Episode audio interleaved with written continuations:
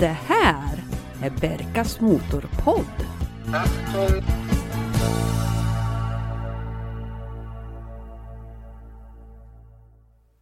Varmt välkommen till ett nytt avsnitt av Berkas Motorpodd. Och jag som hörs just nu kallas för Berka. Det här är ju podden för dig som gillar att köpa, äga och sälja bilar. Så följ mig gärna på Facebook och Instagram. Jag tänkte att vi idag ska prata om en speciell typ av bil. Nämligen tjänstebilen. Det här är ju ett fordon som ska användas i det vardagliga arbetet och fylla en transportfunktion. Basbelopp och miljöklass känner ni kanske igen det är vanliga termer att ha koll på. Lite av en expert i ämnet, det är Anders Freid. Varmt välkommen till podden Anders. Tackar för inbjudan. Vi ska ju prata om en specifik eh, användare utav tjänstebilar eh, och då tänkte jag höra med dig, du är lite expert i det här. Har personen i fråga haft många bilar? Eh, det får man väl säga, absolut. Och så vet man ju om då om man har en, en sån här tjänstebil att det är viktigt att sköta om den. Hur är det med den här personen? Tar den hand om, om sina fordon? Ja, det gör han väl kanske egentligen inte då, om man ska vara helt ärlig. Han, han, eh, han använder sina bilar väldigt flitigt men också, också väldigt hårt. Och vem är det nu vi pratar om? Jo, det är ju Mr Bond, Mr James Bond. Och Anders, du har ju till och med tävlat i kunskap om James Bond och vunnit en tävling i TV4 som heter Fantasterna. Hur blir man liksom Bondmästare? Alltså det är jag har ju tillbringat många timmar eh, i, eh, med den här hobbyn om man säger så. Det började ju på mitten på 80-talet så att det är ju säkerligen tusentals timmar då som man har lagt på det här utav sitt liv. Eh, sen har jag en hemsida som kanske tar extra mycket tid då, eftersom det är uppdateringar och tekniska lösningar och allt sånt där. Men, eh, nej, men det, det, har gett mig så mycket genom åren på olika vis så att eh, det har varit, varit värd varenda timme tycker jag. Ja, för du har ju en väldigt omfattande hemsida. Så vi, vi berättar vad den heter för någonting. Eh, ja, jag har döpt den till From Sweden with Love med lite referens då till From Russia with Love som var, ja, från början var det Ian Fleming som skrev boken From Russia with Love och sen gjorde ju Sean Connery den filmen. Som ju faktiskt eh, fyller 60 år i år. Det är riktigt, precis. Det är också 70-årsjubileum i år för den första Bondromanen. Just det. Eh, för alla fantaster så, ju, så, finns det även en bokserie som är intressant som Ian Fleming skrev då, som ligger till grund för, för filmerna såklart.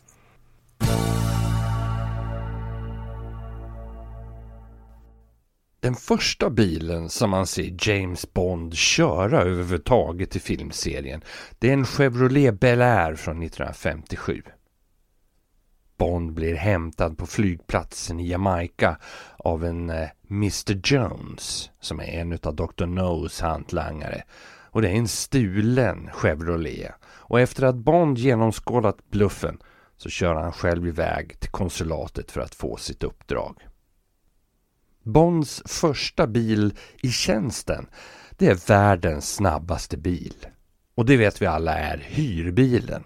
Och den här gången en Sunbeam Alpine 1961. Den här bilen använder Bond för att köra till en misstänkt agent men blir förföljd av yrkesmördare på vägen. Efter en ganska lam biljakt kör mördarna Three Blind Mice över kanten till ett stup och den klassiska explosionen avslutar.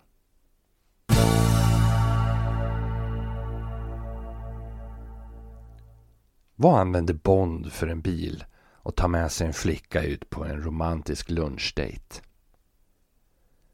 Jo, i From Russia with Love 1963 så använder han en Bentley 3.5 liter Drophead 1938. Den här bilen förekommer bara parkerad och den enda finessen är att den är utrustad med en biltelefon. Scenen slutar med att kontoret söker Bond som får order att inställa sig omgående. Men suffletten fälls upp och resten får överlämnas åt eh, fantasin. Nästa bil som används är en Ford Ranch Wagon 1960. Det är nämligen så att Bond och den turkiska polischefen Ali Kerim Bey besöker en zigenarkamp för att träffa en kontakt. Ett stort slagsmål utbryter men bilen syns ganska tydligt i filmen.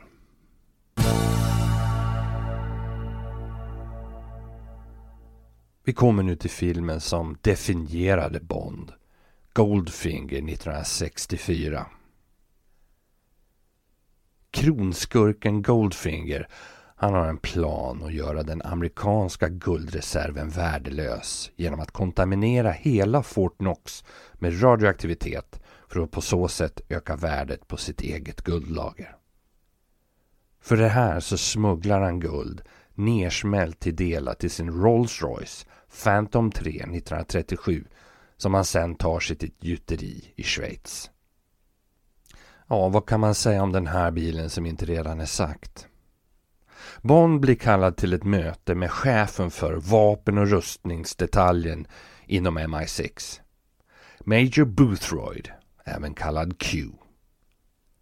Här visas Bond för första gången en tjänstebil i filmserien. Och han blir inte speciellt imponerad vid första ögonkastet.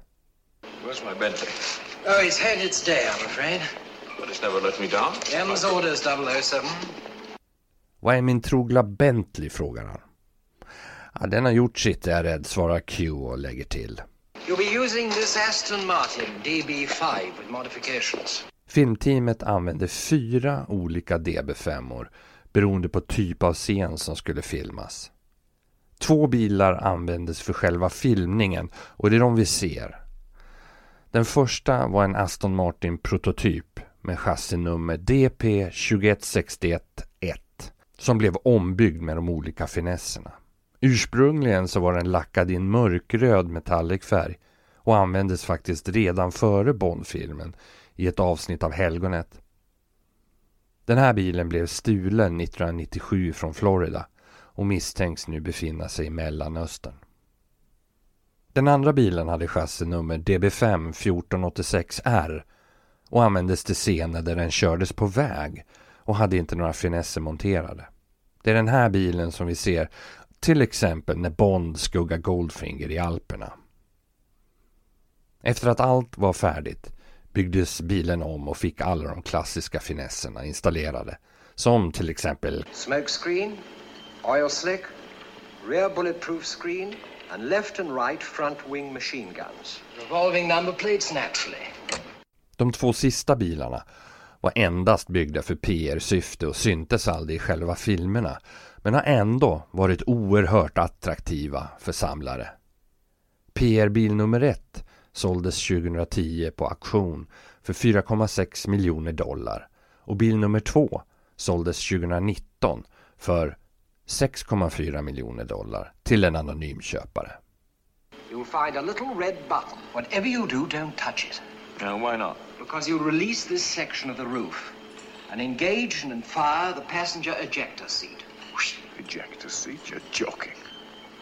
I never joke about my work, 007.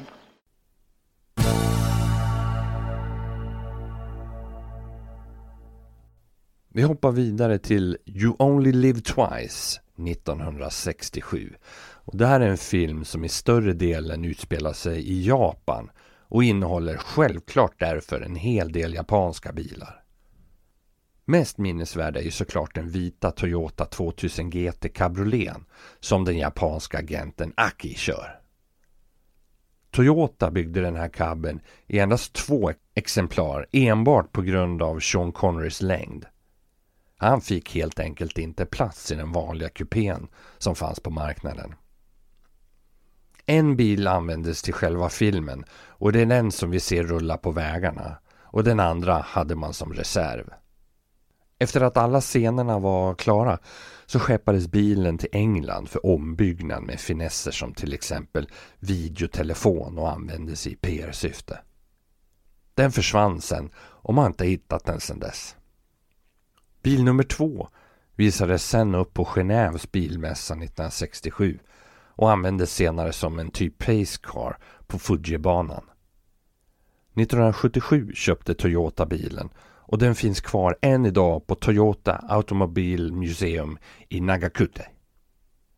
En klassisk sekvens är när Aki och Bond jagas av ett gäng mördare i en Toyota Crown Deluxe. Paret ringer upp chefen för den japanska underrättelsetjänsten The Tiger som skickar förstärkning i form av en Kawasaki KV-107 helikopter som med hjälp av en stor magnet lyfter bilen och släpper den i Tokyo Bay. How's that for Japanese efficiency? Just a drop in the ocean.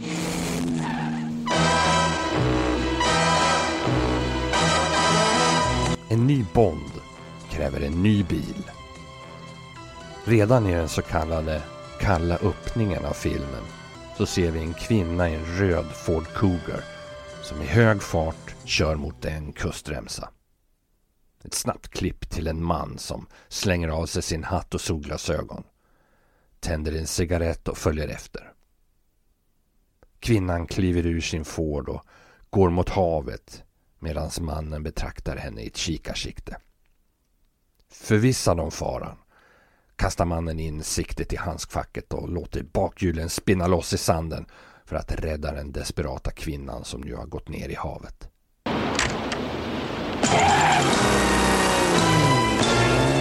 Och det är nu vi får se hans bil. Den nya Aston Martin DBS.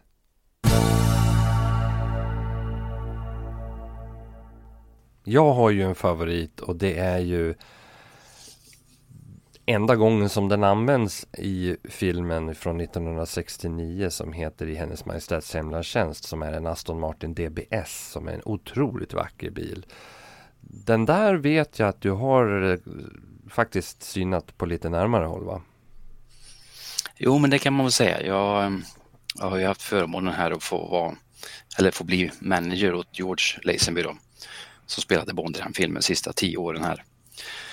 Så vi har rest till lite olika platser runt, runt jorden här och bland annat då när vi har varit i Australien för den här bilen då hamnade i eh, det var en australier som köpte den här bilen på 70-talet och har haft den sedan dess kan man säga. Eh, så han har alltid dykt upp och mött oss när vi har varit i Australien så att eh, jag har både suttit i den och, och fått åka med den så att säga. Oj. Och den, jag kan säga att den är jättefint skick fortfarande. Han har ju bevarat den som som en ädelsten nästan. ja, ja, ja. Även om han kör, han, han sa till mig att han kör, eh, han kör den ofta liksom så och får förfrågningar och, och liksom visa upp den och så på bilutställningar och sånt. Så att eh, han har varit aktiv med, med just det. Men det måste ju vara en fantastisk känsla att veta att man sitter i filmens bil. Jo, men det, det är det ju naturligtvis. Det är ju det är lite speciellt. Sen eh, sen som jag sa förut, jag, jag kanske inte är någon jättebilfantast så, men det är klart att när man vet att ja, men det var den här bilen de använde liksom.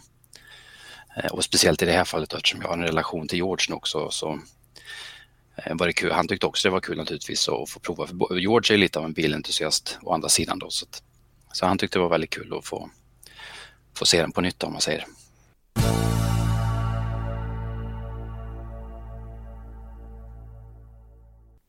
År 1999 så höll jag på att köpa en silvergrå sån här DBS med Vantage-paketet. Och det innebar cirka 40 hästar mer än den vanliga versionen. Bilen fanns på Orust och jag och farsan åkte ner för att kika på den. Bilen var vänsterstyrd, manuell och hade en fin blå läderinredning. Motorn hade en enorm sång och väldigt dåliga bromsar.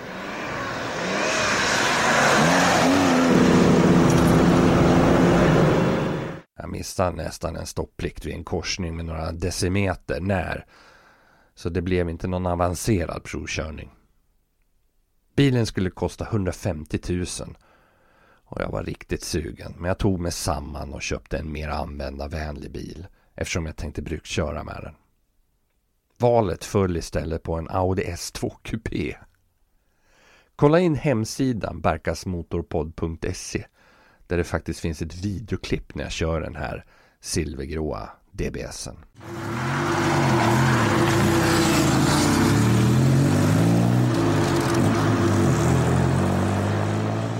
Två bilar lånades till filmen av Aston Martin. För interiörscener så är det chassinummer DBS 5109R och för exteriörer användes DBS 5234R. Nu tog man en hårdare attityd och borta var alla finesser och bilen hade bara en enda extra utrustning. Dolt fack för ett gevär och kikarsikte. Hade Q installerat skottsäkert glas som i tidigare tjänstebilar så hade kanske utgången blivit något annorlunda. It's Blofeld. It's Blofeld. I filmen visas bilen i flera scener. Bland annat i kvinnan Tracys fars, Dracos hem. Hon återvänder i sin Ford för att fira hans födelsedag och känner igen Bonds Aston på parkeringen efter att de har tidigare spenderat en natt på ett hotell. Det slutar i att Bond och Tracy gifter sig och lämnar mottagningen senare i filmen i DBSen som är fint dekorerad för paret. Miss Moneypenny vinkar adjö med tårar i ögonen och Bond kastar sin hatt till henne innan han sätter sig bakom ratten. Den raka fyra liters sexan dånar djupt under avfärden.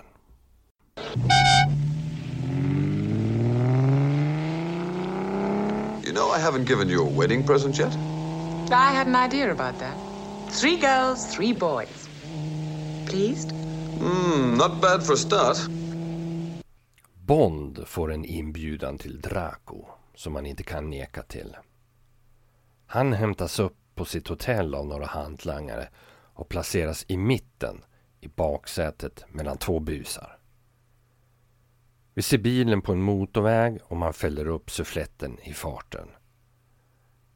Senare så skjutsas Tracy och Bond i bilen till Bern i Schweiz så 007 kan uppföra ett uppdrag med hjälp av sin nya vän Draco. I filmen används tre Ford Cougar för olika scener. En av de bästa Bond-filmerna och den enda där George Lazenby medverkar. Och då är det ju så att det är ju faktiskt den enda filmen där James Bond eh, gifter sig och eh, hans fru och blivande fru den här eh, grevinnan eller vad ska vi kalla hennes titel för Tracy åker ju också en bil. Mm. Precis, hon kör en Mercury Cougar XR7. Eh, en röd, röd sån, en cabriolet. Eh, och den, den har jag en lite speciell historia om då. Det, det var ju så att de hade, det är ofta så när man gör film att man har, man har liksom ett antal bilar till förfogande då, ifall någonting går sönder eller sådär. Så att just det var av den bilen till förfogande. Eh, och det här är nu 16 år sedan då, men jag är medlem nämligen i en organisation som heter Ian Fleming Foundation i USA, som eh, ja, i grunden är en välgörenhetsorganisation då. Men den har funnits nu i snart, ja, över 30 år. Och jag har blivit lite mer engagerad eftersom jag har lärt känna de som ligger bakom där. Så att 2007 då, så tog de kontakt med mig för att då visade sig att de har gjort lite research då på de här, just på den modellen. Och då och konstaterat att det fanns, eh, alla tre exemplaren fanns fortfarande liksom att få tag på om man säger så. Men det tredje exemplaret då eh, fanns i Sverige. Och eh, då bad de mig helt enkelt att eh, researcha det lite mer och se lite grann vart den finns i Sverige och vem är det som äger den. Så då gjorde jag lite efterforskningar där och, och hittade till slut den personen då som, som hade den. Eh, och han, han var ju egentligen inte någon Bondfantast utan han var ju en, en, en väldigt stor bilentusiast egentligen då. Så att han hade haft bilen sedan, 90-talet då. Och då visade det sig att eh, den kom till Sverige redan på 80-talet. Eh, men då hade man ingen aning om att den hade varit med i, i den här Bondfilmen då. Eh, och den, och den personens sambo täckte att den här har ju varit med, det här är ju en Bondbil, den har varit med i en Bondfilm. Eh, så att eh, det, det, var liksom the real deal om man säger så. Nej men så jag, så jag tog kontakt med honom helt enkelt och och då visade det sig helt enkelt att han kunde tänka sig att sälja den. Så att, eh, eh jag förhandlade den affären helt enkelt och var där och provkörde den och kollade, kollade hur den såg ut och så vidare och rapporterade tillbaka till en Fleming Foundation. Då.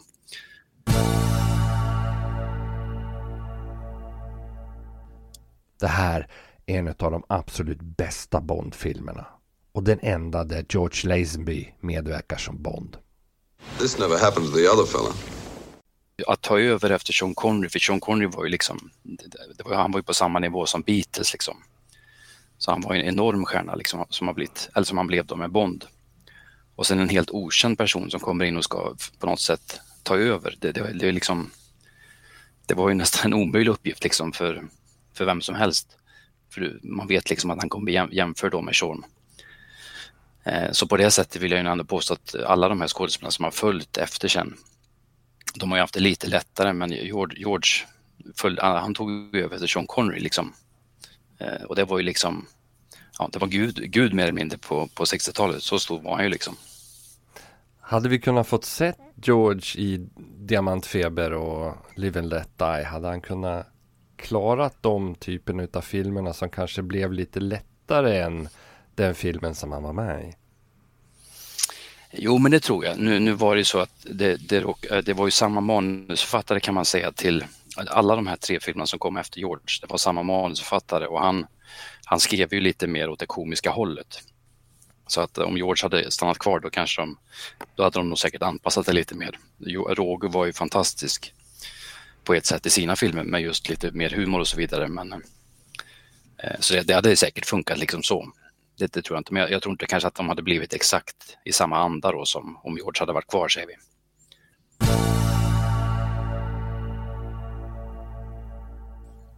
Inga officiella tjänstebilar används i filmerna Live and Let Die eller The Man with the Golden Gun. Nu med Roger Moore som 007. Men 1977, då händer det grejer. Efter en tvist om rättigheterna till filmerna hade rätts ut så var det åter dags för James Bond att rädda världen.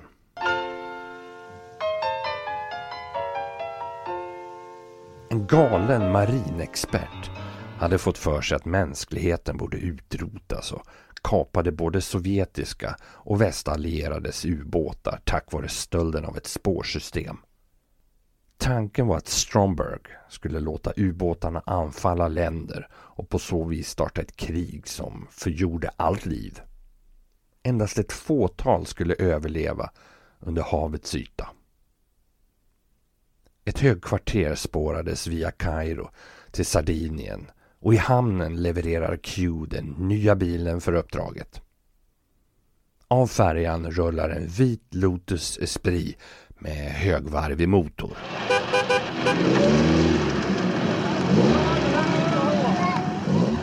I vanlig ordning försöker rustmästaren förklara alla resurser som finns. Right. Now pay attention 007. I want you to take great care of this equipment. There are one or two rather special accessories.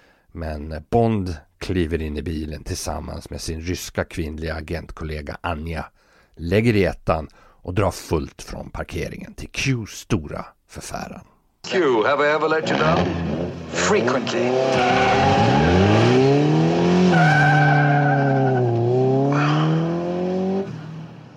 Lotusfolket var smarta för att få bilen placerad i filmen.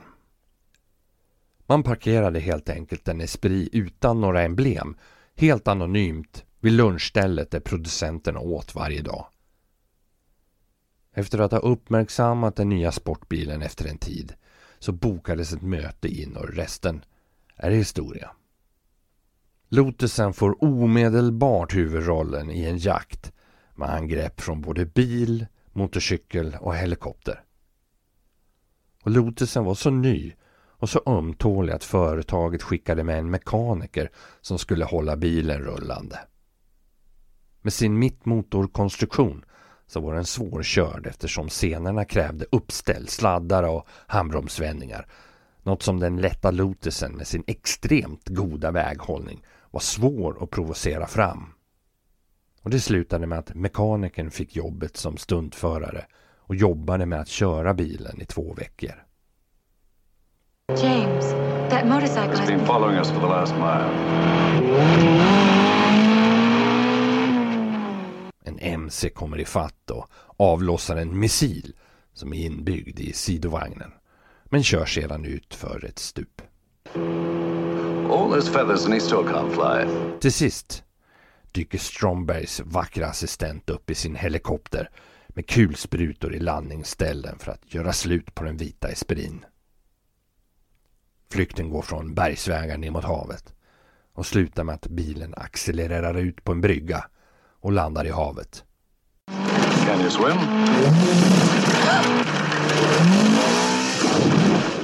Resten är Bond-historia när Lotusen omvandlas till en undervattensfarkost. Bestyckad med ett missilsystem kan Bond till slut oskadliggöra helikoptern som hovrar ovanför. It's time we said goodbye to an uninvited guest.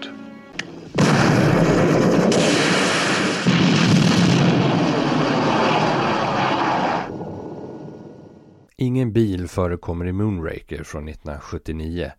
Men 1981 ser vi en vit Lotus Esprit Turbo sprängas till bitar när Bond ska hitta och identifiera en lönnmördare vid namn Lock.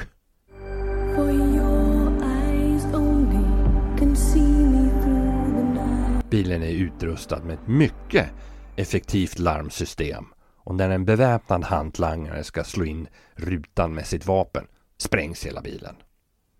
Måste ha varit en dyr självrisk där. Uppdraget tar Bond till Alperna och Cortina där han rullar fram till hotellet i en röd metallic turbo med skidor monterade i specialfästen på bakluckan. Olin Mark 5 hette skidorna med tyrolia-bindningar och många entusiaster betalar stora pengar på Ebay för de här vintage-skidorna att montera på sin Lotus. Bond och kollegan Ferrara åker också med bilen till en hockeyrink för att träffa konståkerskan Bibidal. Won't take long, Luigi. Don't play with any of the switches, will you? Right. Men när 007 kommer tillbaks ut till bilen så har Lock mördat Ferrara i Lotusen och lämnat sin signatur. En kavajnål föreställande en duva. Bilen finns idag på ett bilmuseum i Orlando, Florida. För att hämnas kollegans död letar Bond upp mördaren som flyr i en silvergrå Mercedes 450 SEL. Och i en tunnel får Bond in ett skott. Och Lock sladdar av vägen och hamnar på kanten till ett bergstup. You left this with Ferrara, I believe. Från början ville inte Roger Moore att 007 kallblodigt skulle döda karaktären och föreslog att kasta in kavajnålen liksom för att tippa bilen över kanten. Men regissören övertygade Moore att det mer hårdföra anslaget skulle vara mera effektfullt. Bond sparkar till Mercedesen i sidan och bilen kraschar ut för stupet.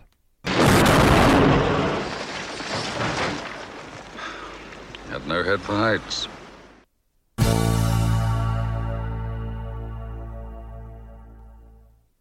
Direkt i den kalla öppningen av Octopussy från 1983 ser vi en Range Rover Classic Convertible med hästsläp på väg till en galopptävling.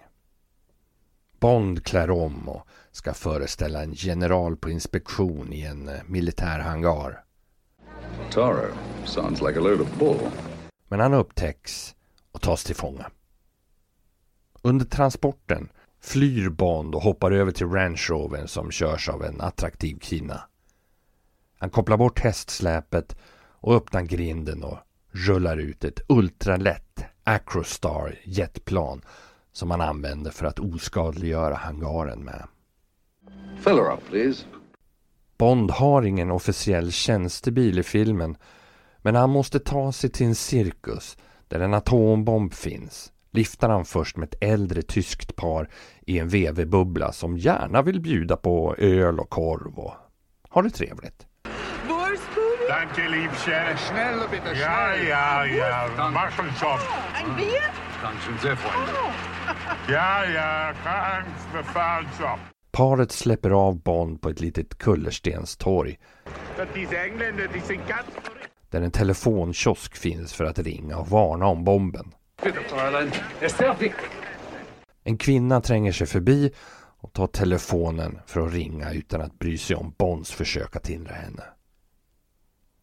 Då får han syn på kvinnans bil parkerad utanför. En Alfa Romeo GTV 6. Jag har pratat om den här bilen i tidigare avsnitt. Men det här är en utav de absolut bästa biljakterna i en Bondfilm. Och vilket ljud Alfa 6 har. Was machen Sie mit... Hey, das ist mein Auto, Vicky! Hey! Hey, mein Auto! Vet man någonting om var den där Alfan finns någonstans eller har den rostat upp helt? Eh, det är faktiskt en av de bilarna som vi har försökt att hitta kan jag säga i en Flaming Foundation. Vi har ju in, inom den här organisationen då så har de eh, 37 fordon tror jag de har just nu.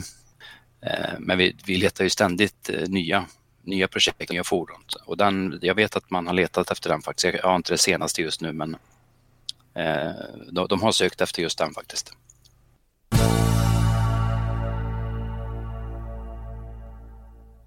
A View to a Kill 1985 blir Roger Moores sista Bondfilm och uppdraget ger inte Bond någon egen bil att använda utan snarare en tjänstebetjänt att driva med. Man dränker i alla fall en gammal Rolls Royce i en sjö där Bond och hans eh, betjänt befinner sig i baksätet.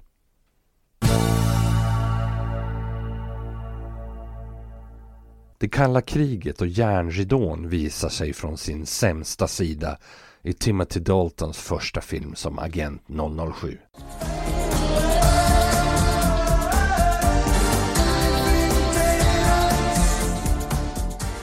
Den kalla öppningen tar oss till Gibraltar och efter Ahas ledmotiv hamnar vi i ett regnigt och mörkt Bratislava där Bond ska frita den avhoppade sovjetiska generalen Koskov. Meningen är att generalen ska fly under en paus i cellokonsert. Efter en hård diskussion med sin kollega beslutar sig Bond för att ändra planerna och köra generalen till en gränsöverfart i en otroligt snygg Audi 200 Turbo Quattro med BBS-fälgar. Where is he? In the boot. First place they'd look. But my escape route... Scrubbed. I'll pick you up at the border. 2300 hours. Be there. Where are you taking him? How will you get him out? Sorry, old man. Section 26, paragraph 5. Need to know. Sure you understand.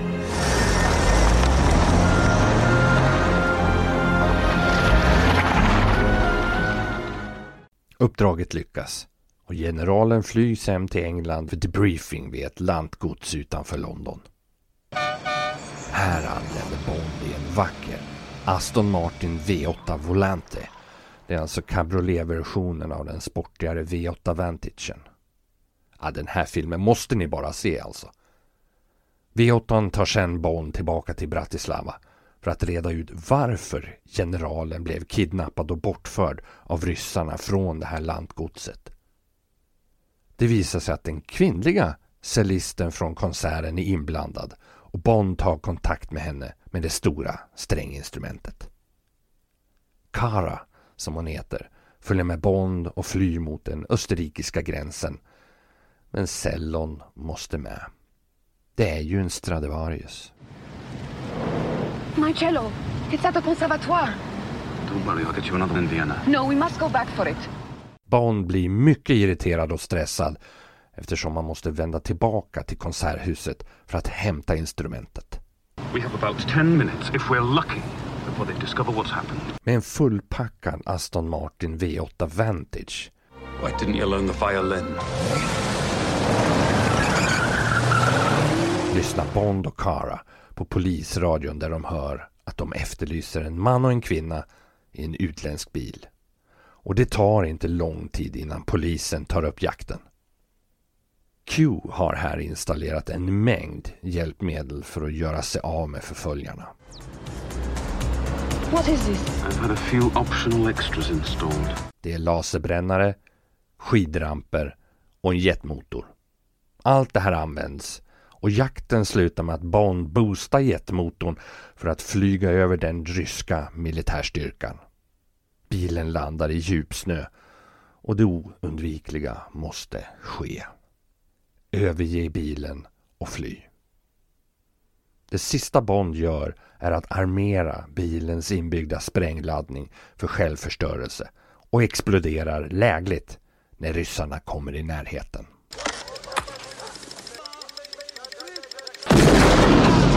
Glad I insisted you brought that cello. Cara och Bond använder cellofodralet som kälke för att ta sig in i Österrike. We've nothing to declare! That's the cello! cello.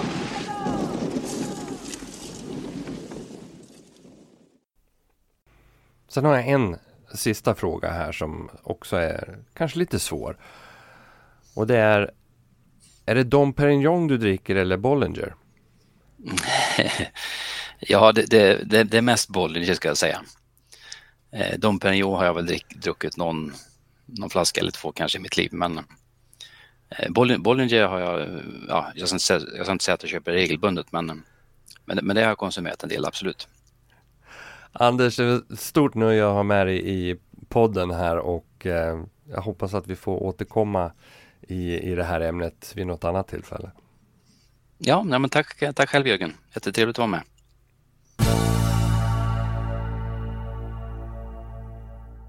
Tusen tack för att du har lyssnat på det här Bond specialavsnittet av Berkas Motorpodd. Vi finns som vanligt på Facebook och Instagram och vår hemsida berkasmotorpodd.se Vi hörs snart igen. Tills dess, kör så du trivs.